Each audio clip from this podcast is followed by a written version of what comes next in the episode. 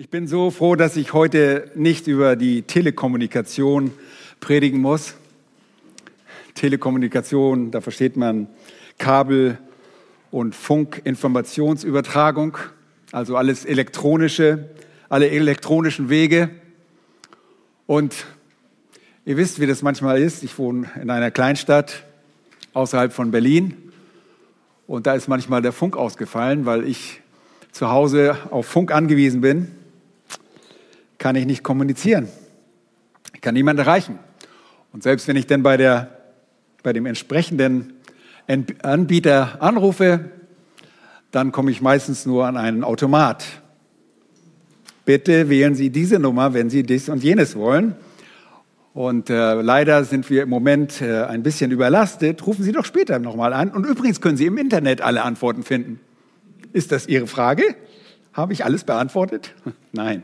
Nun, es geht nicht um die Telekommunikation, es geht um die Theokommunikation, um die Gotteskommunikation, die Kommunikation mit Gott.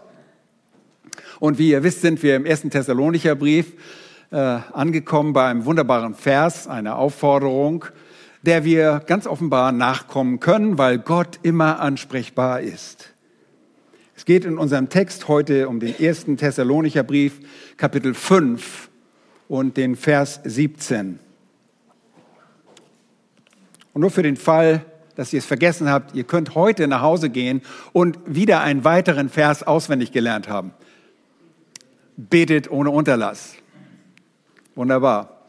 Betet ohne Unterlass. Und das wollen wir gleich tun. Wir wollen den Herrn bitten, dass er uns hilft beim Zuhören auf sein Wort.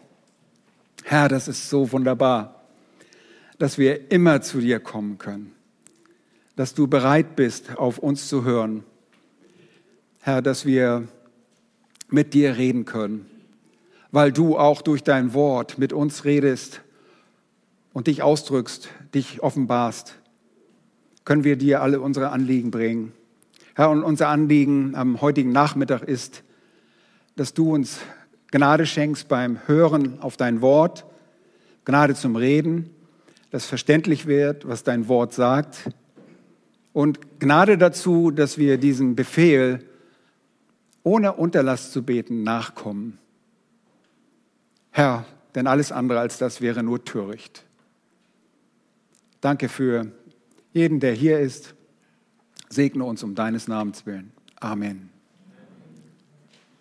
Nun, die Thessalonicher sowie alle übrigen Christen in aller Welt werden in diesem kurzen Vers dazu aufgefordert, das Gespräch mit Gott zu einer Lebensweise zu machen.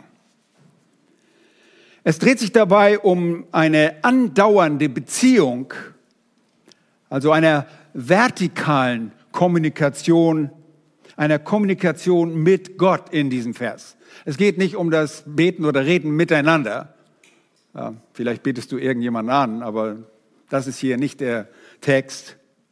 Hier geht es darum, dass wir mit Gott reden und das zu einer Lebensweise machen. Diese Kommunikation weist auf die Gemeinschaft mit Gott, dem Vater hin, die nur ein Christ haben kann.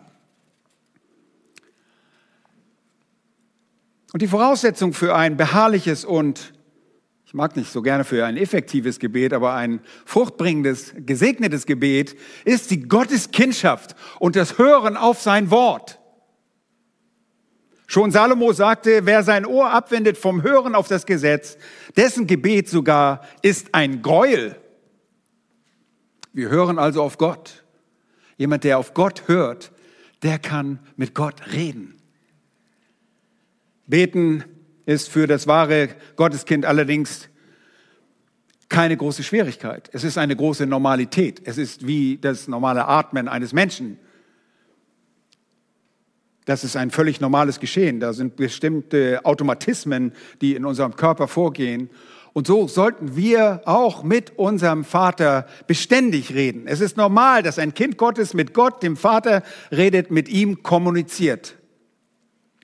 Sein Gebet ist kein Monolog und nicht primär eine Funktion horizontaler Belehrung, sondern ein Gespräch mit Ausrichtung auf den lebendigen Gott und deshalb auch ein wesentlicher Teil der vertikalen Kommunikation.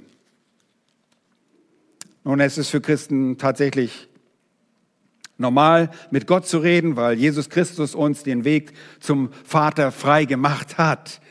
Nur durch ihn können wir zum Vater sprechen. Gleichzeitig, so wissen wir, und wir halten die Bibeln in unseren Händen, spricht Gott auch durch sein Wort zu uns. Wir reden zu ihm im Gebet, er spricht zu uns. Deshalb betet ohne Unterlass. Leider gibt es bei aller Normalität auch für uns Hindernisse in der Beständigkeit des Betens. Wir lassen uns allzu oft abbringen. Wenn es kein Gebet gibt, dann liegt das niemals an der Basisstation wie im LTE-Funkverkehr, denn die Basisstation ist Gott. Und diese Basisstation funktioniert immer, sondern es liegt immer an uns. Aber es gibt Probleme. Und so musste dieser Befehl nicht nur an die Thessalonicher gehen, sondern darüber hinaus an alle Christen.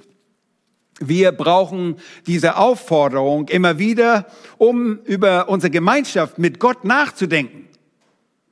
Und dieser Befehl ist im Grunde zunächst einmal ein Befehl, darüber nachzudenken, ob wir mit Gott in Gemeinschaft sind. Es ist einzig und allein die Sünde, die in unserem Leben uns daran hindert, ständig mit Gott zu reden.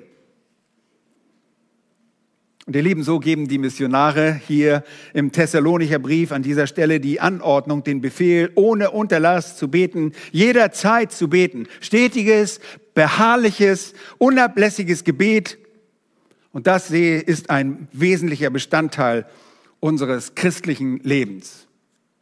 Ohne dieses, diese Kommunikation, ohne diese Gemeinschaft kein Christsein. Es ist die Gemeinschaft mit Gott durch Jesus Christus. Und durch Jesus Christus nahen wir uns zu Gott. Die beständige Kommunikation im Gebet ergibt sich zum einen aus unserer Abhängigkeit von unserem Gott. Und es ist eine Abhängigkeit, in der wir uns dauerhaft befinden. Zu keiner Zeit sind wir als geschaffene Wesen in der Lage, unabhängig von Gott zu leben. Das kannst du in deiner Einbildung, aber du kannst nicht Gott wohlgefällig sein, wenn du denkst, ich kann unabhängig von Gott leben. Zu keiner Zeit sind wir als geschaffene Wesen dazu in der Lage. Wir sollen niemals auch nicht nur für einen Moment autonom, das heißt losgelöst von Gott denken. Wir sollen Gottes Gedanken nachdenken. Zum anderen ist die beständige Kommunikation ein Ausdruck unserer Liebe zu Gott. Ich liebe meinen Gott. Und weil ich Gott liebe, möchte ich mit ihm reden. Also es ist komisch, wenn man jemanden liebt, dann muss man, möchte man mit ihm reden. Ich sage nicht, ja, wir gehen aufs nächste Date, du hast eine Freundin und ah, lass uns mal irgendwo ins Café gehen und, und ihr sitzt da beide und ihr schlürft nur euer, was weiß ich, ja, und kein Wort. Nein, ihr plappert die ganze Zeit, ihr könnt ja auch gar nicht den Mund zukriegen. Das ist ein Ausdruck der Liebe. Und so ist es auch, wenn ich meinen Herrn liebe, dann komme ich zu ihm. Und weil das so wichtig ist, müssen wir den Befehl zum unablässigen Beten dringend auch verstehen. Was bedeutet das denn überhaupt? Nun, auch wenn das einfache Lesen dieses Textes uns schon eine gewisse Einsicht gibt, so gibt es doch viel mehr dazu zu sagen, um die Bedeutung dieser Aussage zu erleuchten. Gott selbst zeigt uns in seinem Wort die Reichtümer dessen, was alles dazu zu sagen ist. Und ich habe mich gefragt, gibt es irgendetwas Besseres, womit wir beginnen könnten, als mit dem, was unser Herr Jesus Christus in Hinsicht auf das Gebet tat und dem Gebet sagte? Nein, gibt es nicht. Und deshalb fangen wir bei Jesus an. Jesus das Vorbild. Er, der Sohn Gottes. Er selbst kommunizierte ständig mit dem Vater weil er in der engsten Gemeinschaft mit ihm lebte. Und wir lesen in der Schrift zum Beispiel, dass er früh aufstand, um zu beten. Ja, wenn, äh, wenn dich dein Partner antickt und sagt, aufstehen und du sagst, oh, noch nicht, lass mich doch ein bisschen schlafen. Ja, Jesus stand auf, um mit seinem Vater zu reden, früh morgens. Und er tat es immer nur, um den Willen des Vaters zu tun und war sich seiner Abhängigkeit zu seinem Vater bewusst. Selbst der Sohn Gottes war sich der Abhängigkeit zu seinem Vater bewusst. Und wir lesen auch, dass er die ganze Nacht im Gebet verbrachte. Seine Kommunikation mit dem Vater muss geradezu endlos und ununterbrochen gewesen sein. Im Hebräerbrief, so sagt der Verfasser von dem Herrn Jesus Christus, lesen wir Folgendes von Jesus. Dieser, das ist Jesus, hat in den Tagen seines Fleisches, also seinen, er, seinen irdischen Zustand, sein Menschsein, sowohl Bitten als auch Flehen mit lauten Rufen und Tränen dem dargebracht, der ihn aus dem Tod erretten konnte und ist auch erhört worden um seiner Gottesfurcht willen. Hebräer 5, Vers 7. Oh, das ist wirklich ein so wunderbarer Einblick in die Seele unseres Herrn Jesus Christus. Und er, der selbst Gott ist, suchte beständig das Angesicht seines Vaters. Wenn er das tat, wie viel mehr haben wir es nötig, das Angesicht unseres Vaters zu suchen im Himmel? Wer sonst konnte ihn aus dem Tod erretten? Niemand. Und seine Gebete waren von einer einzigartigen und auch dazu imposanten Intensität geprägt. Nicht nur verbrachte er viel Zeit im Gebet, sondern ihr Lieben, er wiederholt, durchlitt er dabei große Qualen. Obwohl uns die Schrift nicht jede Einzelheit und alle seine Gebete aufgezeichnet hat, so können wir davon ausgehen, dass die Gebete, von denen wir lesen, äh, diese Intensität hatten, eine ähnliche Intensität hatten, Intensität hatten, die wir im Gott, Wort Gottes sehen. Und zwar bei solchen, die uns geoffenbart worden sind.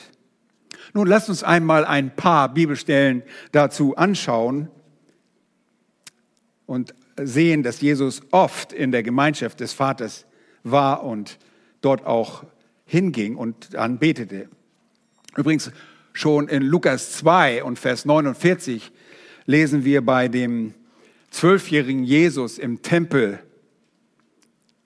fragt er seine irdischen Eltern und sagt, weshalb habt ihr mich gesucht? Wusstet ihr nicht, dass ich in dem sein muss, in dem sein muss, was meines Vaters ist? Er suchte die Gemeinschaft seines Vaters. Er wollte in der Nähe seines Vaters sein. Und bei seiner Taufe lesen wir bereits in Lukas 3, Vers 21 von seinem Beten. Und da heißt es, es geschah aber, als alles Volk sich taufen ließ und auch Jesus getauft wurde, ihr erinnert euch, er sollte alle Gerechtigkeit erfüllen und identifizierte sich auch mit der Menschheit.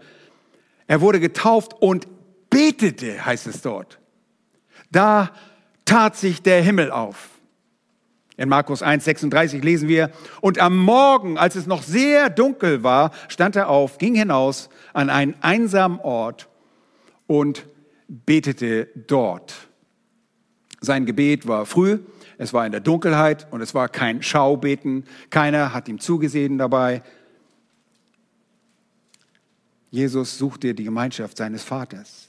In Lukas 5, Vers 16 heißt es, er aber hielt sich zurückgezogen an einsamen Orten auf und äh, betete. Er betete. In Kapitel 6 vom Lukas-Evangelium heißt es, und er verharrte die Nacht hindurch im Gebet zu Gott. Lukas 6, Vers 12. Nun, ich erinnere mich noch schwach an meine alten Tage, als ich noch jung war, mal eine Nacht durchzumachen, um eine Arbeit fertig zu machen, damit ich am Seminar keine Schwierigkeiten bekomme und einen Termin einhalten. Und nächsten Tag war ich einfach fertig, völlig geredet und habe gedacht, wie dumm, die Nacht durchzumachen, anstatt rechtzeitig anzufangen, damit man eine Nacht nicht durchmachen muss. Aber Jesus sucht bewusst das Angesicht Gottes, weil er allein sein konnte, um mit Gott zu reden. Ihr erinnert euch, er wurde sonst von Menschen umringt. In einer Tour waren Menschen um ihn herum. Und dann heißt es in Lukas 9, Vers 18, und es geschah, als er einmal für sich allein betete, dass die Jünger in seiner Nähe waren. Und das einmal in der Übersetzung, das Eingefügte dort oder übersetzt ist, weist darauf hin, dass für Jesus eine gängige Praxis war zu beten, als er einmal alleine war. Also sonst waren die Jünger um ihn herum und jetzt ging es darum, einmal wieder zu beten.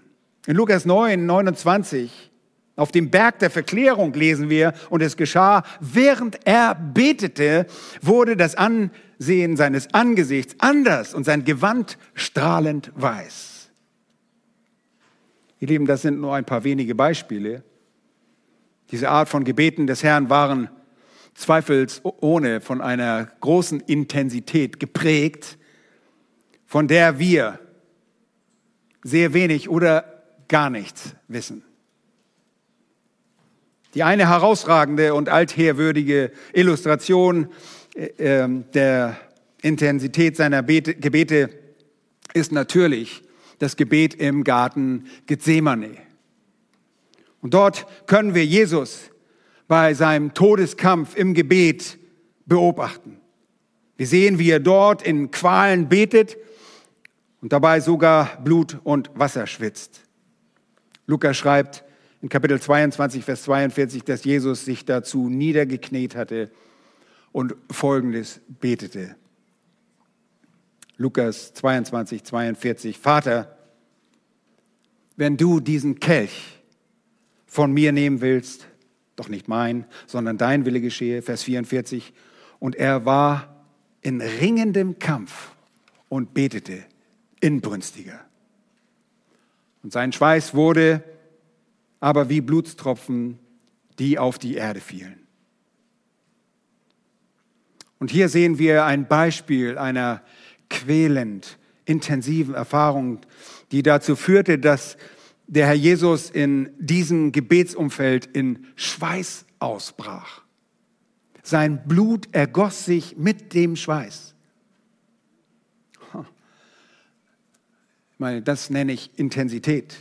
Das war so intensiv, dass Matthäus uns in Kapitel 26, die Verse 38 bis 46 erzählt, dass Jesus im Garten Gethsemane dreimal hintereinander an seine Jünger appellieren musste, mit ihm zu wachen und zu beten. Und das war so ein ausgedehntes Gebet des Herrn, so lang, dass seine Jünger wiederholt einschliefen.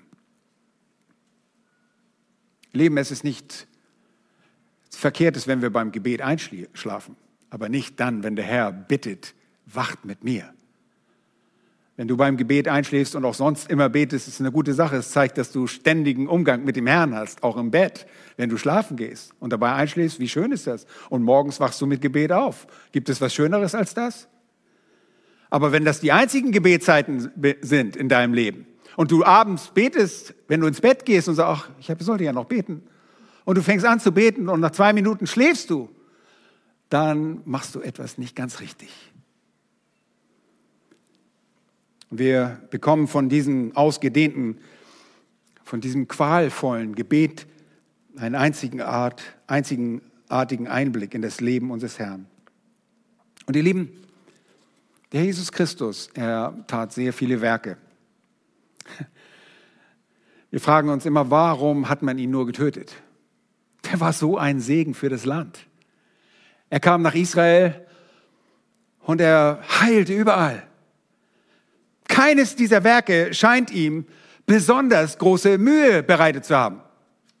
Wir lesen zwar einmal bei der äh, blutflüssigen Frau, die zwölf Jahre ihren Blutfluss hatte, dass er spürte, dass eine Kraft von ihm ausging. Aber es war nicht so, dass Jesus sagte zu dem Lahmen, sei, steh auf, nimm deine Matte, geh nach Hause und Jesus war platt. Und Jesus hat gesagt, gib mir mal die Matte, ich bin fertig. Nein, es hat ihm überhaupt nichts ausgemacht. Genauso wenig wie Gott selbst, der die Welt in sechs Tagen geschaffen hat und am siebten Tag ruhte, nicht weil er fertig war. Egal was Jesus tat, ob er Blinde sehend machte oder Tauben das Gehör schenkte oder den Stummen ihre Sprache verlieh, ob er kranke Körper gesund machte, Lahme befähigte, wieder zu laufen. Selbst die Auferweckung von Toten war kein, kein riesiges Ding für den Herrn. Er sprach einfach nur. Er sprach, Lazarus, komm mal raus. Und Lazarus kam mal raus. Und Jesus hat nicht gesagt, oh, pff, fertig. Nein, keines seiner Wunder bereitete ihm sichtbare Mühe, so dass er Blut oder Wasser schwitzte oder dass es ihm sogar Schmerzen bereitete. All diese Werke haben offenbar weder Ermüdung noch Mühe oder Strapazen oder eine Mühsal irgendeiner Art beinhaltet. Erst als er im Gebet im Garten Gethsemane zum Vater kommt, erlebt er eine unvergleichliche und vergleichbare Qual. Sicher, so sagen Leute, der Todestag ist näher, die Todesstunde ist näher gekommen. Aber das Gebet war einer Intensität sondergleichen. Und als Jesus dort betete, beinhaltete ihn, beinhaltete das Pein. Es zerriss ihm quasi das Herz, sein Innerstes war so aufgewühlt, dass dies an seinem Leib zum Ausdruck kam. Er betete unter Qualen, bis er Blut schwitzte. Das, ihr Lieben, ist eine Intensität der Gebetsbeharrlichkeit, die Jesus auch in den Gleichnissen lehrte. Diese Intensität sollen wir haben. Und ich bitte euch, dass ihr euch das einfach mal zu Hause anschaut, in dem Gleichnis von Lukas 11. Dort geht es um, den um die unverschämte Bitte eines Freundes. Und dann in Lukas 18, im Gleichnis von dem ungerechten Richter, finden wir die Betonung dieser Beharrlichkeit im Gebet. Diese Beharrlichkeit brauchen wir für ernsthaftes Beten. Jesus ist unser Vorbild. Noch in seiner Todesstunde ruft er seinen Vater an. Zweitens, die frühe Gemeinde als Vorbild. Das Missionsteam, das den Thessalonichern schrieb, hatte genau diese Beharrlichkeit, diese Beständigkeit des Gebetes im Sinn. Als sie sagten, man solle ohne Unterlass beten, meinten sie genau diese Art der Hingabe des Betens. Und die Thessalonicher brauchten Gott. Warum? Erinnert euch noch daran? Sie waren in Bedrängnissen und Verfolgung. Das Gebet war der segensbringende Weg zu Gott. Und der liegt im beharrlichen Gebet. Und auch die frühe Gemeinde war durch diese Art des Gebets gekennzeichnet. Diese beständige, leidenschaftliche und Intensität im Gebet war ein Merkmal dieser jungen, dieser frühen Gemeinde in der Geschichte der Christenheit. Bereits vor der Ausgießung des Geistes lesen wir in Apostelgeschichte 1, Vers 14, dass alle Gläubigen einmütig waren und sich beständig dem Gebet widmeten. Es war ein unablässiges, ein konstantes Beten. Es war ein beharrliches Beten, das die Gemeinschaft dieser Gläubigen kennzeichnete. Bei der Priorisierung ihrer Dienste zeigten die Apostel allen Gläubigen schon sehr früh im Leben der Gemeinde, was beim Erfüllen ihrer Pflichten von größter Bedeutung war. Sie sagten nämlich in Apostelgeschichte 6, Vers 4, Nachdem sie sagen, ihr kümmert euch um diese praktischen Belange der Gemeinde, aber sie sagen, wir aber wollen beständig im Gebet und im Dienst des Wortes bleiben. In Apostelgeschichte 12 erkennen wir, dass die Gemeinde das beherzte und diese Gebete auch tatsächlich so umsetzte, konsequent. Petrus war zu der Zeit im Gefängnis und die Gemeinde betete unablässig für ihn zu Gott. Lieben, beharrliche, uninbrünstige Gebete zeichneten diese jung, junge Gemeinde aus. Sie waren noch nicht sehr alt, aber sie hatten verstanden, dass das Gebet wichtig ist. Und wenn ihr dann zu den Briefen kommt, dann werdet ihr überall bemerken, dass vor allem Paulus die Gläubigen zum Beten ermahnt. Und so zum Beispiel im Epheserbrief. Paulus sagt in Epheser 6, dass die Geschwister die geistliche Waffenrüstung anziehen und jede Waffe ergreifen sollten. Jede Waffe. Eine ganze Waffenrüstung besteht nicht nur aus einem Helm, sondern jeden, jedes Bestandteil, jedes einzelne Element dieser, dieser Waffenrüstung. Und dazu gehörte, und das sagt er in Vers 18, nehmt diese Waffenrüstung, indem ihr sie oder sie, Vers 18, zu jener Zeit mit allem Gebet und Flehen im Geist beten sollten. So sollten sie das tun.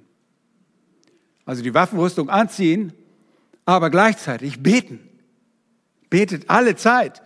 In 1. Thessalonicher 3 und Vers 10 gibt das Missionsteam den Thessalonichern selbst Beispiel von dieser Gebetsbeharrlichkeit. Da heißt es, Tag und Nacht flehen wir auf Allerdringendste. Aufs Allerdringendste. Diese Gebetsbeharrlichkeit und Dringlichkeit sollte nicht nur für Sie, sondern für jedes Gotteskind eine Lebensweise sein. Ständiges Gebet, ständige Kommunikation mit unserem Gott. Es sollte ein unablässiges, niemals endendes, kontinuierliches Gebet sein. Und im Brief an die Kolosser sticht das Zeugnis von einem Mann namens Epaphras deutlich hervor.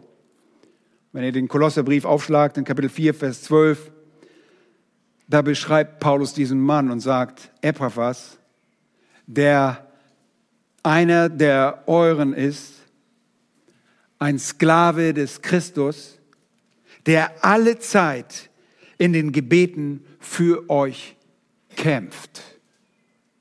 Warum? Damit ihr feststeht. Was tat dieser Epaphras?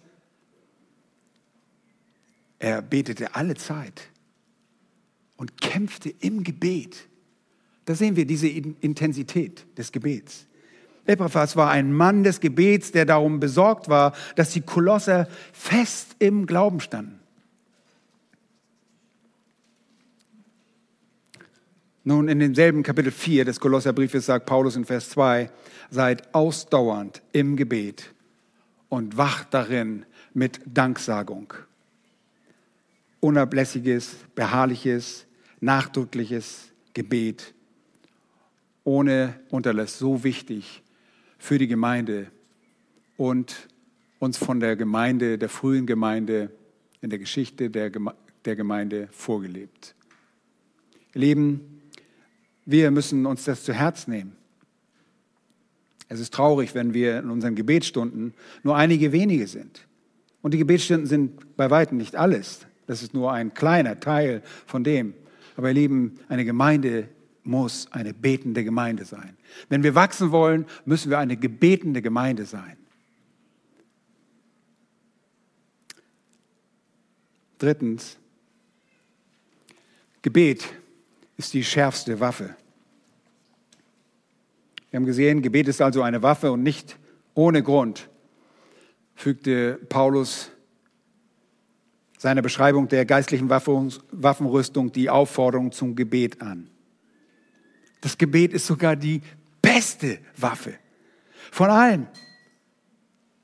Und so wurde es auch in der Geschichte des Volkes Israel sehr deutlich aufgezeigt. Und am Mittwoch in der Gebetsstunde haben wir uns kurz über diese Begebenheit ausgetauscht und nachgedacht und auch darüber gebetet. Als Mose den Auftrag an Josua und seine Kämpfer in Rephidim erteilt, geht es um den Kampf gegen die Amalekiter. Wir haben heute auch von den Amalekitern gehört, die Weissagung des Bileam, äh, des, ähm, ja, in äh, Kapitel 24 von 4. Mose. Aber hier ist Josua mit einer Spezialtruppe, kämpft er gegen die Amalekiter. 2. Mose 17, Vers 8 und folgende. Und bei dem Kampf half, half es dem Volk nicht, dass ihre Krieger gut ausgerüstet waren. Das waren sie sicherlich. Es half Israels SEK, dem Sondereinsatzkommando, nicht, dass es das auserwählte Volk Gottes war. Es half dem Volk einzig und allein, dass oben auf dem Berg gebetet wurde, was das äußere Zeichen der zum Himmel im Gebet emporgehobenen Hände des Moses aufzeigt. Seine Hände mussten sogar gestützt werden.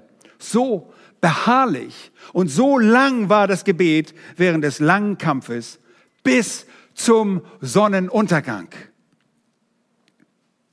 Leben, wir sind von Gott abhängig und brauchen deshalb das Gebet zu aller Zeit. Weil auch wir zu jeder Tageszeit, selbst in der Nacht, im Kampf sind. Nun kannst nicht im Schlaf beten. Vielleicht in deinen Träumen. Wenn du lange genug betest, vielleicht träumst du dann auch Gebete. Wir müssen nicht nur zu jeder Stunde bereit sein, nein, auch wenn wir gut oder auch schlecht gelaunt sind ob wir in Freudigkeit oder Niedergeschlagenheit sind, wir sind dazu angehalten zu beten. Ihr Lieben, beharrliche Gebete sind zwar durchaus kräftezehrend, und so kann man sie tatsächlich beschreiben, aber sie sind gleichzeitig auch eine Art erquickender Gemeinschaft, eine belebende Gemeinschaft, stärkender Kommunikation mit unserem Gott. Gott hört dich.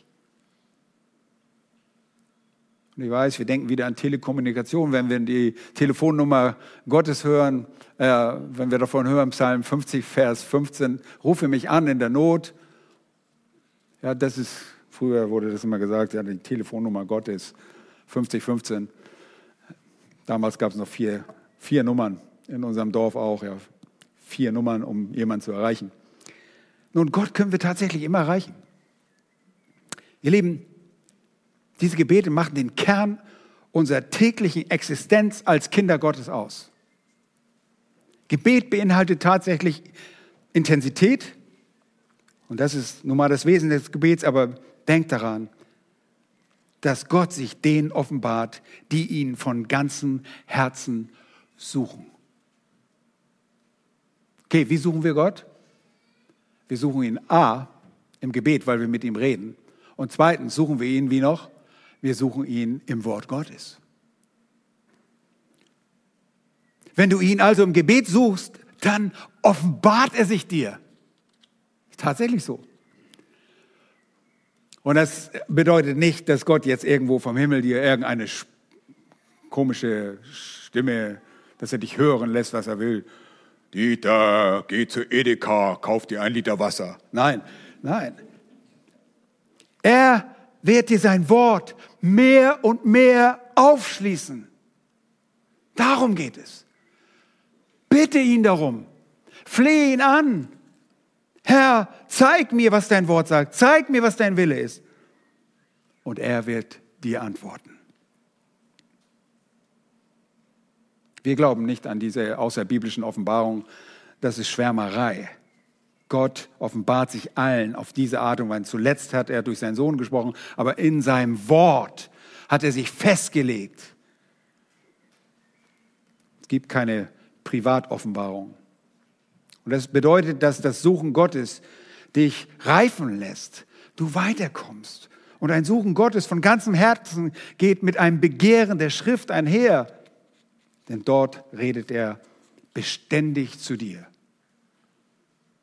Willst du, dass Gott redet? Lies die Bibel. Wow, ist das nicht fantastisch?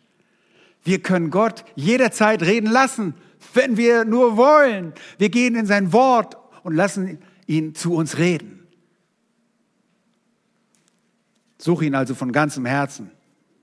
Und es ist dieses suchende Ringen im Gebet, das sich letztlich bei Gott auch durchsetzt. Jakobus sagte einmal in Jakobus 5, Vers 16, das Gebet eines Gerechten vermag viel, wenn es ernstlich ist.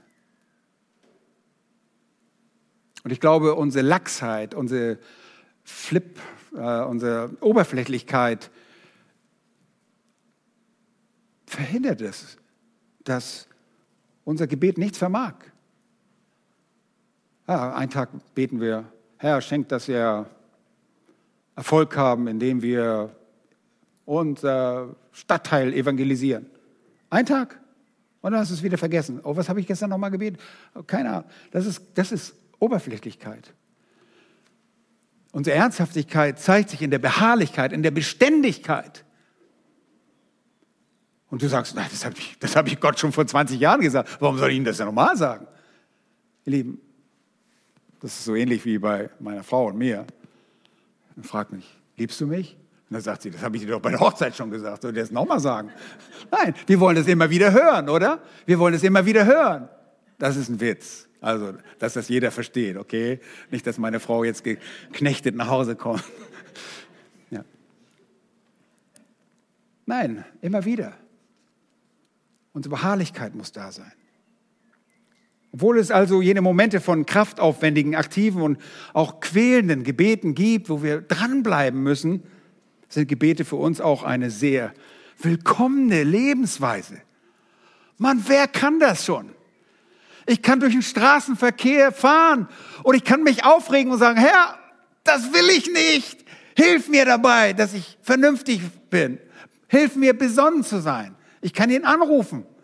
Jederzeit. Ich muss nicht mal meine Bibel vorher aufschlagen. Ist nicht klasse? Ist doch wunderbar. Das ist eine so willkommene Lebensweise. Und Gott hört dich dabei. Er sieht den Ernst deines Herzens an. Es ist nur so, dass Gebete manchmal intensiver sind und etwas mehr von uns fordern als zu anderen Zeiten. Betet ohne Unterlass. Ist der Befehl Gottes an uns. Viertens, die Bedeutung des Befehls. Wir sind übrigens bei 1. Thessalonicher 5 und Vers 17. Das Wort dort betet ist das griechische Wort posukomai. Es ist wörtlich das Wort einfach nur für beten und könnte alle möglichen Formen des Betens bedeuten. Lobpreis, Dank, Bekenntnis, Flehen, Fürbitte. Alles das könnte es ausdrücken. Es ist einfach Gebet im Allgemeinen. Es ist das gewöhnlichste Wort, das benutzt wird für Gebeten, für Beten. Und dann steht da ohne Unterlass, ist ein Wort im Griechischen adialepotos, ja, so ähnlich wird das ausgesprochen. Die Griechen lachen, aber äh, ist zum Glück keine gespro gesprochene Sprache mehr, das äh, Koine Griechisch. Es ist ein temporales Adverb und es bedeutet einfach nicht aufhören, wiederkehrend. Das ist wahrscheinlich der bessere Gedanke dabei, wiederkehrend. Immer wieder, nicht aufhören, wiederkehrend zu beten. Es geht nicht darum, dass du nonstop, wie manchmal unsere Kinder, die uns irgendwas erklären wollen, die nicht aufhören, die reden und reden und reden und du denkst, wann kommt ihr endlich zum Punkt? Da gibt es keinen Punkt und kein Komma. Die reden und reden und reden. Aber das ist nicht damit gemeint, sondern vielmehr, wir kehren immer wieder zu Gott zurück. Wir können nämlich nicht ohne Punkt und Komma zu Gott reden. Das geht nicht. Wir müssen auch irgendwann mal arbeiten, oder? Euer Chef wird nicht sehr dankbar sein, wenn ihr eine hochkomplizierte Aufgabe erfüllen müsst und du sagst, oh, ich bin gerade am Beten, lass mich mal gerade in Ruhe, ich kann das jetzt nicht machen. Nein, ihr müsst auch arbeiten. Es geht mehr um die Haltung, um eine Lebenshaltung dabei.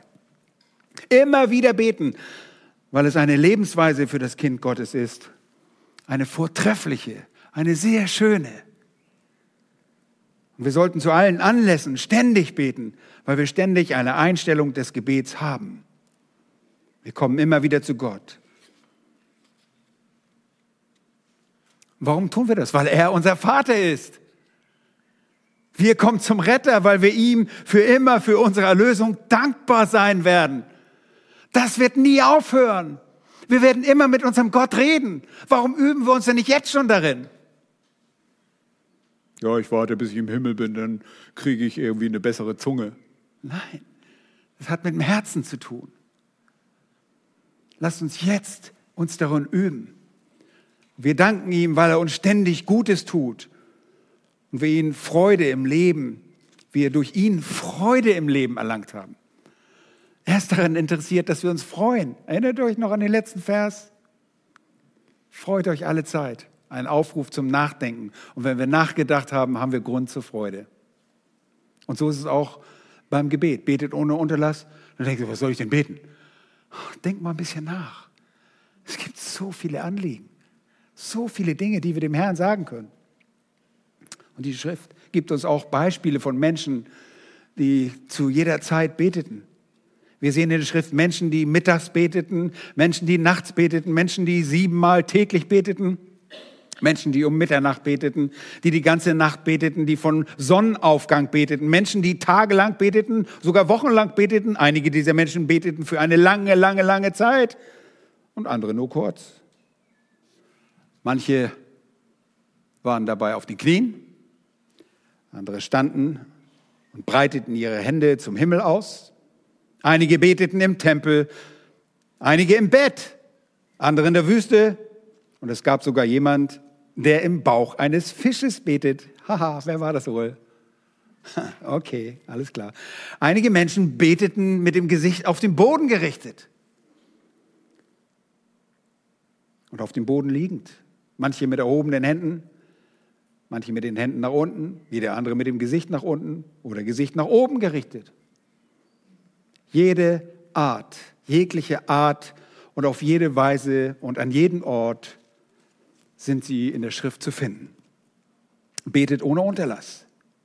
Und wenn wir uns nochmals dem Textzusammenhang des Befehls im Thessalonicher Brief vor Augen führen, dann sehen wir, dass dieser Vers, ganz einfach, Binsenweisheit, von Vers 16 begleitet wird, indem wir gelesen haben, freut euch alle Zeit. Und dann folgt Vers 17 und sagt, betet ohne Unterlass. Diese beiden Verse sind sozusagen geistliche Partner im Leben eines Christen. Freude und Gebet. Zusammen stellen diese Verse ein wunderbares Gleichgewicht dar. Und das gibt es wohl nicht, dass man sich freut, ohne zu beten. Du bringst deine Freude Gott gegenüber zum Ausdruck, sonst ist es keine echte Freude. Echte Freude, die sucht demjenigen Dank zu geben, der einem die Freude gegeben hat. Nun, du kannst beten, wenn du nicht freudig bist, wir haben das gerade gesagt. Aber das Schönste ist, wenn Freude da ist und das Gebet erfolgt. Jeder Gläubige sollte während seines gesamten christlichen Lebens seine eigene Unzulänglichkeit und Unfähigkeit wahrnehmen. Und wer das wahrnimmt, der lebt auch in völliger Abhängigkeit von Gott. Solange ihr eure Unzulänglichkeit und die damit verbundene Abhängigkeit empfindet, ihr Leben, dann werdet ihr auch ohne Unterlass beten. Ihr wisst, dass ihr euch an Gott wissen, errichten müsst. Gleichzeitig wisst ihr auch, wenn ihr euch unzulänglich und abhängig fühlt, und ihr Lieben, das Gefühl ist richtig, wenn ihr das fühlt, dann wisst ihr auch, dass ihr Empfänger der erstaunlichen Segnung Gottes seid.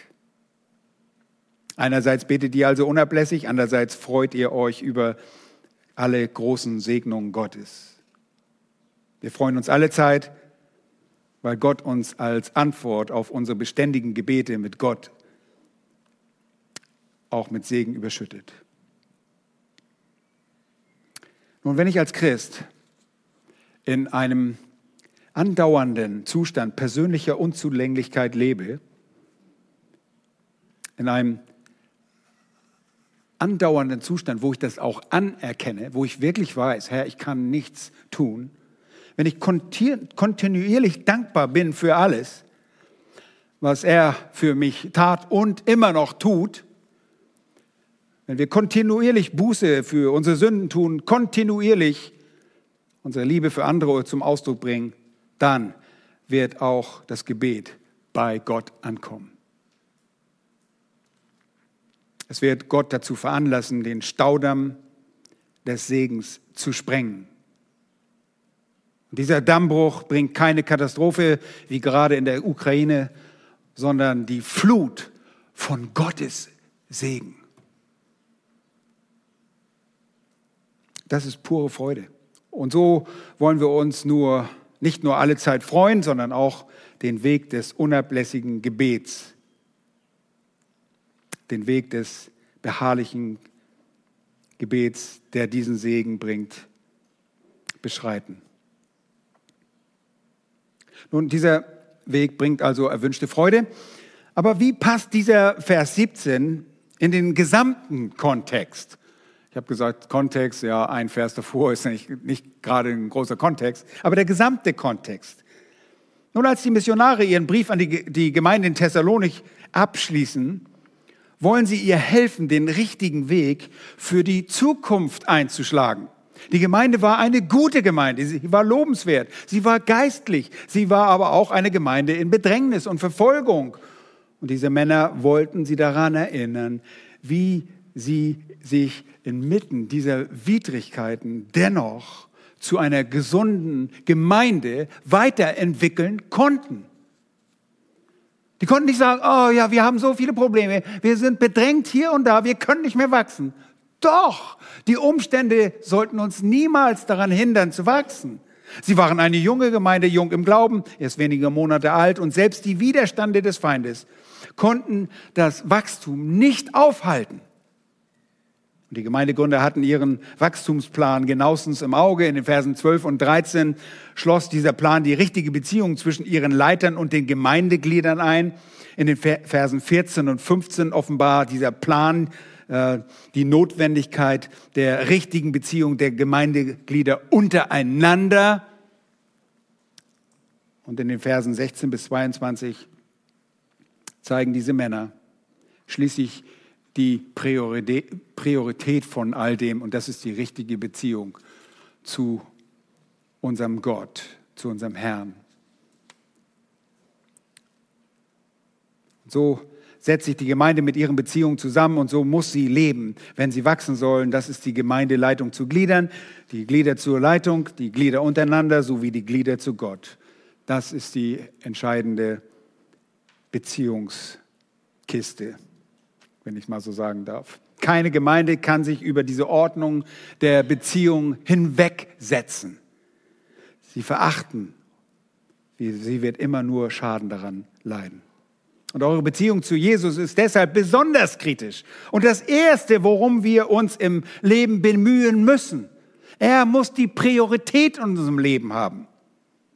Herr Jesus hat in allem den Vorrang und von ihm lernen wir auch, was es heißt, im Gebet zu verharren. Und das Erste also bei diesen staccatoartig aufeinanderfolgenden Befehlen ist es, sich alle Zeit zu freuen. Und als zweites gilt es, ohne Unterlass zu beten.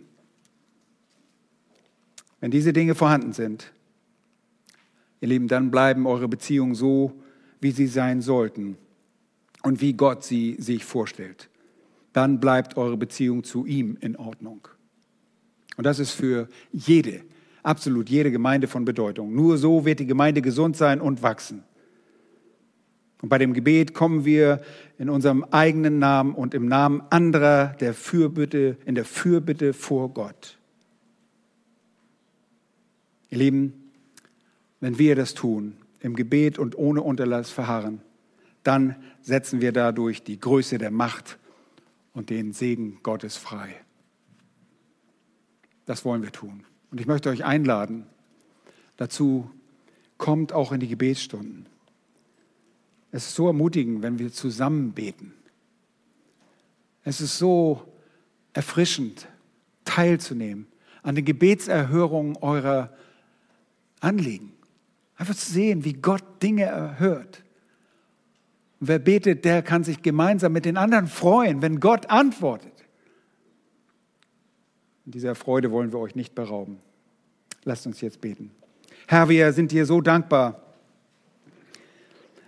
dass du nicht nur dafür da bist, uns irgendwelche Informationen zu übertragen oder wir dir irgendwelche Informationen mitteilen, sondern wir lieben dich weil du uns zuerst geliebt hast und uns sogar gerettet hast. In unserem fürchterlichen Zustand als Sünder, wir alle sind des Todes würdig, aber du hast dich erbarmt. Herr, wie sollten wir dir nicht für immer dankbar sein für die Errettung und das ewige Leben, das wir erlangen durch den Glauben an dich allein, durch das Vertrauen, das wir in deine Person setzen. Du bist der Heilige, der gekommen ist, um unserer Unheiligkeit ein Ende zu bereiten. Du hast die Stellung eines schändlichen Sünders eingenommen am Kreuz auf Golgatha. Hast dich strafen lassen, als hättest du unser Leben geführt. Gleichzeitig hast du uns durch den Glauben an dich aus Gnade allein deine Gerechtigkeit gegeben, unsere Sünde vergeben und uns wert geachtet, geadelt indem wir Söhne Gottes heißen dürfen. Und du uns zu Erben, Miterben deiner Herrlichkeit gemacht haben, Erben deines Reiches. Oh, wie dankbar sind wir dafür. Herr, vergib uns unsere Gebetslosigkeit, die Einbildung unserer Selbstgenügsamkeit. Herr, wir brauchen dich. Wir sind darauf angewiesen, mit dir zu leben. Und so bitten wir, Mach du uns zu beständigen, beharrlichen Gebetern. Betern, die dich und dein Angesicht suchen. In allen Situationen. Sei es für Lobpreis, für Fürbitte, für die Buße. Herr, wir haben es so nötig, immer wieder uns zu reinigen in deinem Angesicht. Herr, wir wollen mit dir reden, weil du unsere Freude bist und dir danken. Und so danken wir dir auch für diesen Gottesdienst. Wir loben und preisen dich, dass du uns als deine Gemeinde zusammengestellt hast und wir als deine Braut hier auf der Erde dich repräsentieren dürfen und Botschaftern Christi Stadt sind. Mach du uns zu besseren Botschaftern. Mach du uns zu freudigen Botschaften. Mach du uns zu betenden Botschaftern die das Evangelium mit Freude verkündigen und Menschen von der Hoffnung mitteilen, die du allein gibst und den Frieden, den du herstellen kannst, die Versöhnung. Herr, wir wollen Menschen aufrufen, lasst euch versöhnen mit Gott. Wir beten dich an, in Jesu Namen. Amen. Amen.